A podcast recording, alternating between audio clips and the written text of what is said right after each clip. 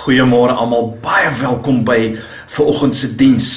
Ek vertrou dit gaan goed met een en elkeen van julle en dat julle beleef dat vir hulle wat God liefhet, alles ten goeie meewerk, ook in hierdie slegte tyd waarin ons onsself bevind. Ons gaan vanoggend kyk na Lukas 16, die gelykenis van die ryk man en Lazarus en ek glo, ek vertrou dat die Here vir ons 'n woord het deur hierdie gedeelte om ons aan te raak uh, in die tyd waarin ons leef. Maar kom ons bid saam. Ag Here, gebruik u woord vanoggend om ons te verander en ons te lanseer vir u koninkryk in hierdie donker wêreld. Ons vra dit in Jesus se naam. Amen. Ek gaan weer vanoggend uh, 'n uh, PowerPoint met julle deel. So miskien kan jy solank jou Bybel kry terwyl ek dit vinnig hier opstel. Ehm um, ek vertrou dit gaan ons help om net 'n uh, bietjie beter by te bly terwyl ons besig is met die preek. Ons gaan kyk na Lukas 16 vers 19 tot 32. Kom ons lees dit saam. En daar was 'n ryk man en hy het purper en fyn linne gedra en elke dag vrolik en weelderig gelewe. En daar was 'n bedelaar met die naam van Lazarus wat vol swere voor sy poort gelê het. En hy het verlang om hom te versadig met die krummels wat van die ryk man se tafel val. Ja, selfs die honde het gekom en sy swere gelek. En toe die bedelaar sterf, is hy deur die engele weggedra na die boesem van Abraham. En die ryk man het ook gesterf en is begrawe. En toe hy in die doderyk sy oë ophef terwyl hy in smarte was, sien hy Abraham van ver af en Lazarus aan sy boesem. En hy roep en sê: "Vader Abraham, wees my barmhartig en stuur Lazarus dat hy die punt van sy vinger in water kan insteek en my tong verkoel, want ek ly smarte in hierdie vlam." Maar Abraham antwoord hom: "Kind, onthou dat jy jou goeie dinge in jou lewe ontvang het en so ook Lazarus die slegte, en nou word hy getroos, maar jy ly smarte." En by dit alles is daar tussen ons en julle 'n groot kloof gevestig, sodat die wat hiervandaan wil oorgaan na julle nie kan nie en die wat daar is nie na ons kan oorkom nie. En hy sê, ek bid U dan, Vader, om hom na my vader se huis te stuur, want ek het 5 broers om hulle dringend te waarsku sodat hulle nie ook in hierdie plek van pyniging kom nie. Toe sê Abraham vir hom, hulle het Moses en die profete, laat hulle na die luister. Maar hy antwoord, nee, Vader Abraham, maar as iemand uit die dode na hulle gaan, sal hulle hulle bekeer.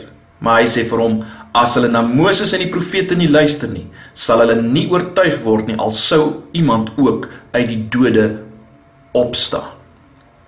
Ek wil hê ons moet vinnig kyk, wat is die konteks wat hierdie gedeelte, hierdie gelykenis vir ons meer verstaanbaar maak? En die eerste gedeelte is Lukas 16 vers 1 tot 13, die gelykenis van die sogenaamde onregverdige bestuurder.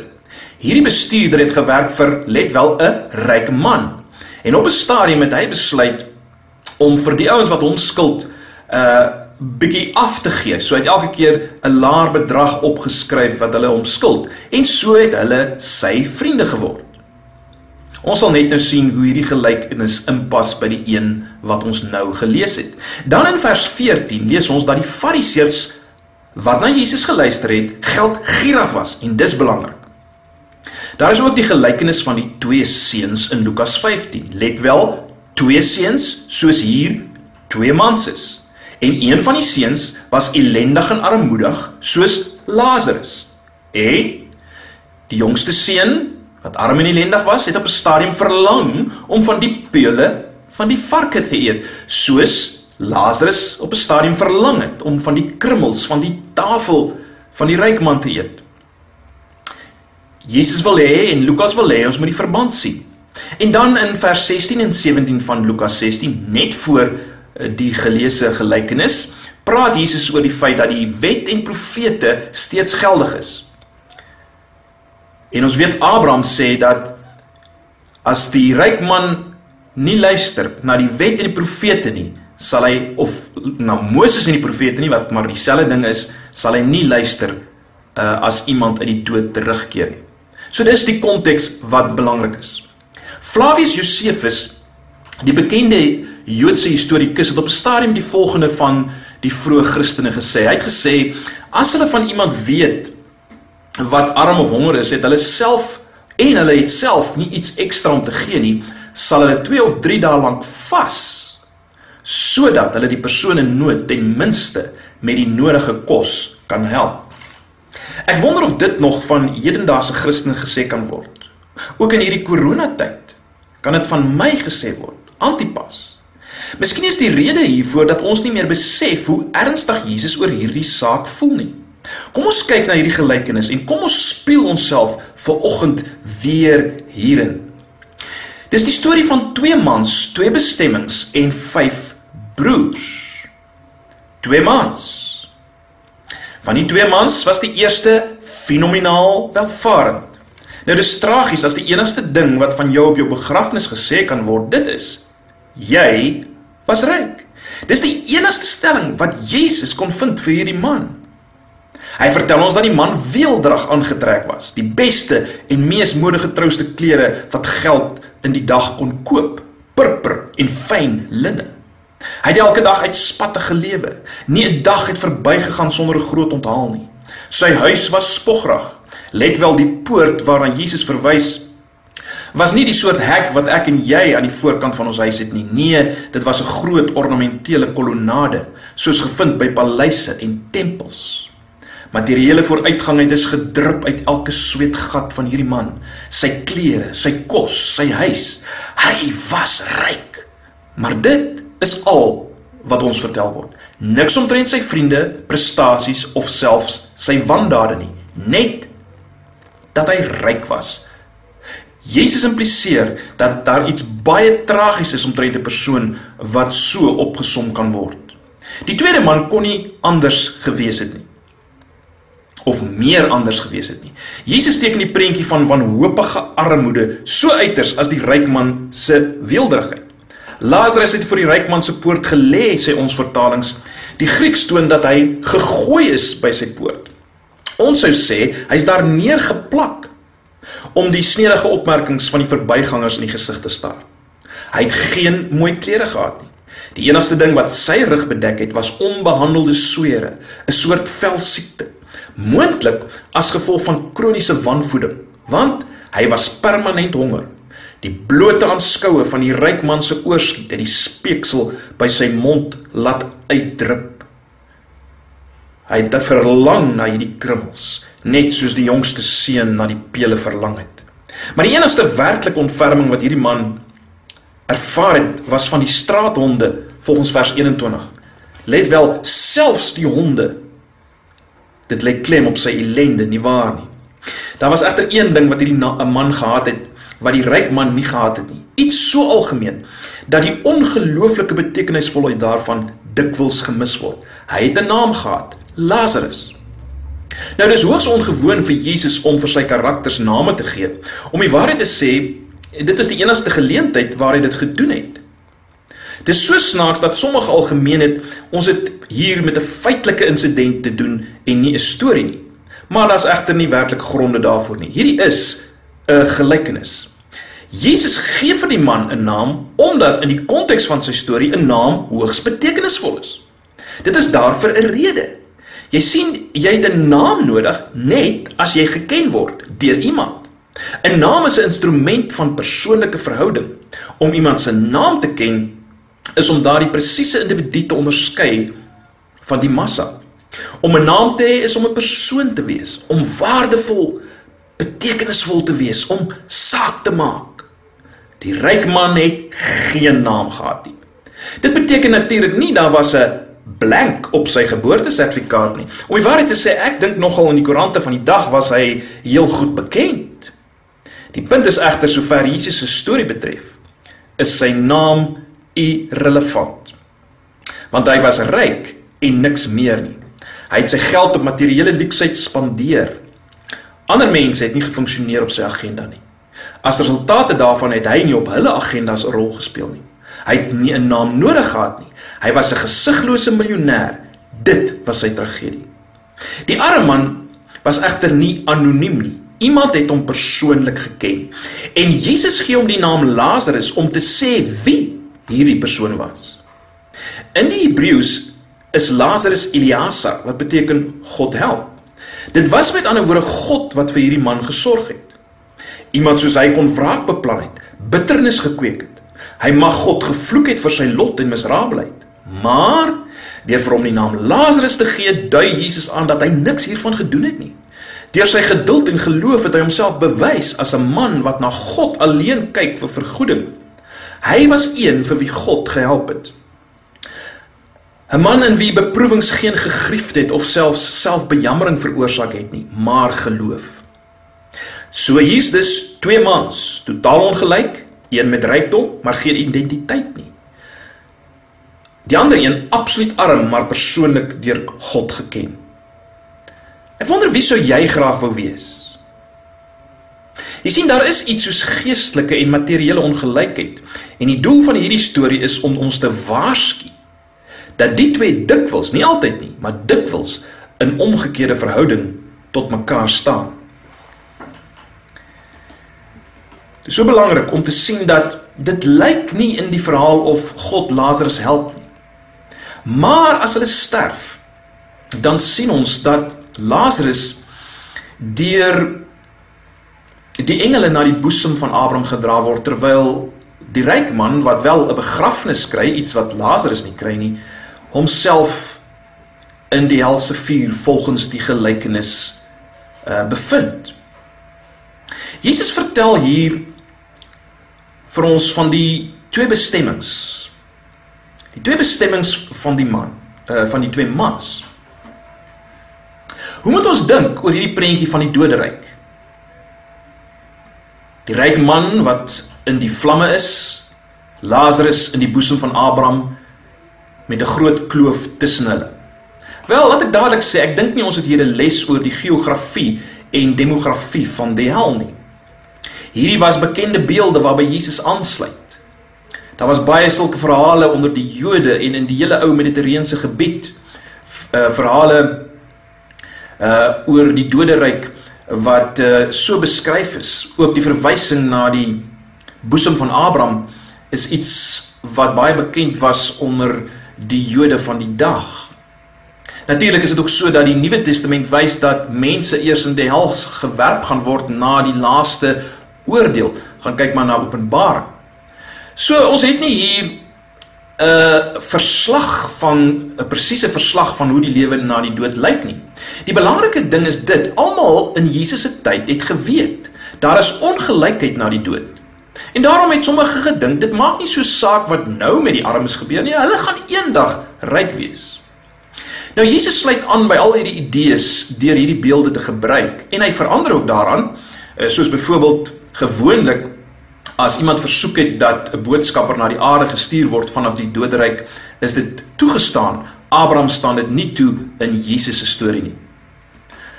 Maar baie belangrik, hierdie is 'n gelykenis. Dis nie 'n feitelike verslag nie. En 'n gelykenis ook in Lukas se evangelie sê iets oor Jesus se bediening, oor die koninkryk wat Jesus gebring het.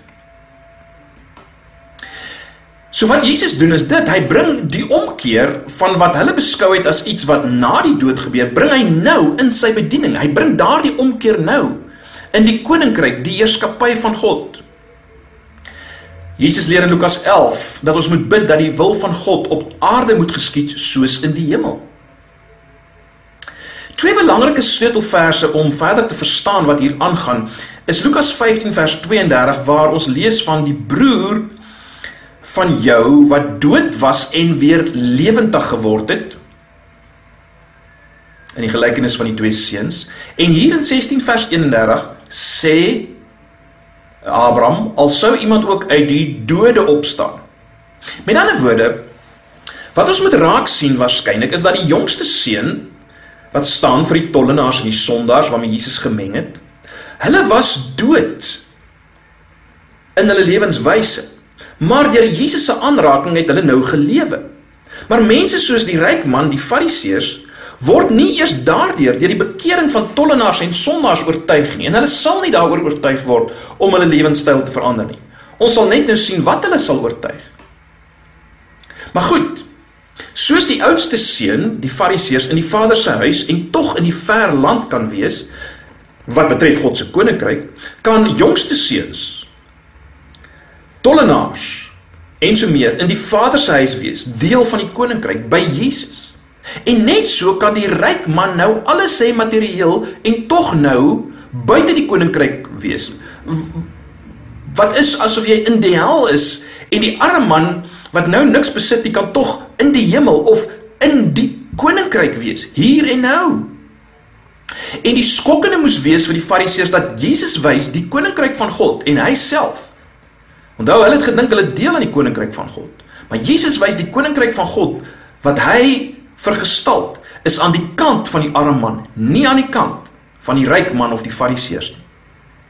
Wat sê dit vir ons? Wel, dit sê vir ons dat ons ook nou deur ons lewenstyl van nie barmhartigheid en omgee vir die armes onsself kan bevind waar die ryk man hom bevind het en nie waar Lazarus hom bevind het nie. Ons kan daardeur wys dat ons as te ware nie kinders van Abraham is nie. Ek sal nou iets oor Abraham sê. Wat sê dit vir ons oor ons ewige bestemming? Wel, alhoewel hierdie nie 'n verslag is van hoe ons ewige bestemming presies sal lyk nie, moet ons tog sê dat dit wat ons nou doen en spesifiek ten opsigte van die armes, dis baie duidelik, gaan ewigheidskonsekwensies hê. Wat ons nou doen het ewigheidskonsekwensies vir ons geluk en saligheid. Dit sal uiteindelik konsekwensies hê. Presies wat wil ek liewers nie nou uitstip nie. Dit beteken nie ons word gered of nie gered deur wat ons doen teenoor armes nie. Maar daar is konsekwensies en dit mag 'n aanduiding wees van waar jy nog steeds is ook in jou verhouding tot God. Op hierdie punt is dit miskien belangrik om te vra wat is die ryk man se sonde? Wel, daar word nie gesê sy sonde is hy het nie in Jesus geglo nie. Ek dink die vorige gedeelte waarna ons verwys het gee vir ons 'n aanleiding wat die ryk man se sonde was. In die gelykenis van die onregverdige bestuurder sê Jesus in Lukas 16 vers 9 en ek sê vir julle maak vir julle vriende deur die onregverdige mammon sodat wanneer julle die lewe verlaat hulle heel in die ewige tente. Letterlik staan daar die blyplek wat nie vergaan nie en daarom kan dit ook wys na hier en nou kan ontvang. Die punt is die onregverdige bestuurder het die geld so gebruik dat hy sulke vriende uh, gemaak het Jesus se punt in die gelykenis van die ryk man en Lazarus is dat die ryk man het nie sy geld gebruik om Lazarus sy vriend te maak nie en dit het vir hom geweldige konsekwensies ingehou. In die gelykenis konsekwensies uh, volgens Jesus se storie konsekwensies vir die lewe na die dood. Natuurlik wil Jesus wys konsekwensies ook nou in sy bediening. Daar's konsekwensies vir die Fariseërs se optrede. Hoe pas Abraham in dit alles in? Wel, die Fariseërs het natuurlik daarop aanspraak gemaak dat hulle kinders van Abraham is. Daar's 'n ironiese sinspeling op kind van Abraham wees as Abraham vir die ryk man sê kind om aanspreek as kind, maar baie duidelik is die ryk man nie 'n kind van Abraham nie, want hy bevind hom in die vlamme terwyl Lazarus, die arme man, in die boesem van Abraham is. Dis betekenisvol. Maar dit bring ons by die vyf broers waar hierdie gelykenis nie net die fariseërs maar ook vir my en jou begin raak. En die punt van die einde van die gelykenis is dit: wat draai 'n persoon se hart van selfsug en gierigheid en belangeloosheid na 'n liefde vir God wat gewys word in 'n liefde teenoor armes? Die verrassing is dat dit nie wonderwerke is nie. Nie eers as iemand uit die dood opstaan nie, maar Moses en die profete. Nou, vers 31 maak dit eksplisiet, nê? Nee, hy sê vir hom, dis Abraham, as hulle na Moses en die profete nie luister nie, sal hulle nie oortuig word nie al sou iemand ook uit die dode opstaan. Nou Moses en profete was maar die verwysing na die Bybel van die dag. Die eerste 5 boeke en dan ook die profete. Nou dis baie belangrik in hierdie eerste 5 boeke, die sogenaamde wet, kry ons baie wette met betrekking tot die armes in die land. En in die profete word daar geweldig baie gepraat oor die armes. En die punt wat Jesus wil maak is die Fariseërs luister nie daarna nie. En as hulle nie daarna luister nie, dis dit alleen sal hulle harte omkeer. Nie eers As een van die tollenaars en die sondaars tot bekering kom, vanuit dood na lewe kom, sal dit hulle verander nie. Moses en die profete moet hulle verander. As dit nie gebeur nie, niks sal hulle verander nie. Kyk net na die profete. Ek lees vir julle een vers in Jesaja 58 vers 7 waar die Here sê is dit nie die vas wat ek verkies nie. Is dit nie dat jy jou brood breek vir hom wat honger het en ellendige swerwelinge in die huis inbring nie. As jy iemand sien wat naak is, dat jy hom klee en jy vir jou eie vlees nie verberg nie. Gaan lees asseblief die hele Jesaja 58 vandag. Jesus wys dat jou lig sal deurbreek. Jy sal seën nou beleef. En natuurlik, weer eens, het dit ook konsekwensies vir die lewe na die dood. Wat is my en jou reaksie op die woord? Ons het meer as die wet en die profete. Maar baie belangrik, die woord van God wat van begin totdat dit uiteindelik vlees word in Jesus roep om verandering, om 'n lewe wat uitgegiet word verander. Is die woord wat in ons hand is. Jy sien dis die aard van God. Die woord roep om verandering, 'n lewe wat uitgegiet word verander want dis die aard van God. Let wel. Jesus is die finale woord van God. Hebreërs 1 vers 1 sê God het baie keer in die verlede tot ons vaders gespreek deur die profete, maar nou in die laaste dae praat hy met ons deur sy seun. En ek sê weer, Jesus, as ons na hom kyk, die finale woord van God, gee homself vir die armes. Volgens Lukas 4 het hy gekom om die koninkryk van God, die evangelie, die goeie nuus van die koninkryk, juis ook aan die armes te bring. En is hierdie Jesus, hierdie woord van God. Hierdie een let wel wat ook dood was en lewend geword het, wat jou en my kan verander. Dalk wonder jy, sal ek dit maak as God ver, verwag dat ek my bronne moet gebruik ten behoewe van die van die arms rondom my, sal ek dit maak? As dit is wat hy ook verwag. Wel, baie belangrik. Onthou Jesus stap die pad van Lazarus in jou plek. Hy so behandel soos Lazarus in jou plek. Maar hy is ook behandel soos die ryk man in jou plek. Hy het die oordeel vir die ryk man se sonde van nie sy bronne gebruik ten behoewe van die arme man nie. Hy het die straf daarvoor gedra in jou plek. En daarom omdat hy hierdie pad gestap het en hy het opgestaan, kan jy nou sy gees ontvang en jy met sy gees in jou kan doen wat hy gedoen het dwars deur die Lukas evangelie vir die armes. Ag, kom ons sluit af met 'n paar praktiese implikasies. Jou en my Christendom het alles te maak met jou geld en die gebruik daarvan. Gebruik daarom om jou geld om vriende te maak. Met ander woorde, gebruik dit vir die koninkryk om mense te laat deel word van die koninkryk, om mense aan te raak.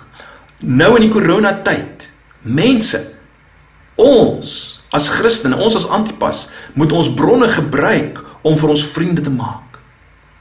Om mense bloot te stel aan die evangelie in die koninkryk van God. En dit het konsekwensies nou vir ons. Dit sal nou vir ons seën inbring.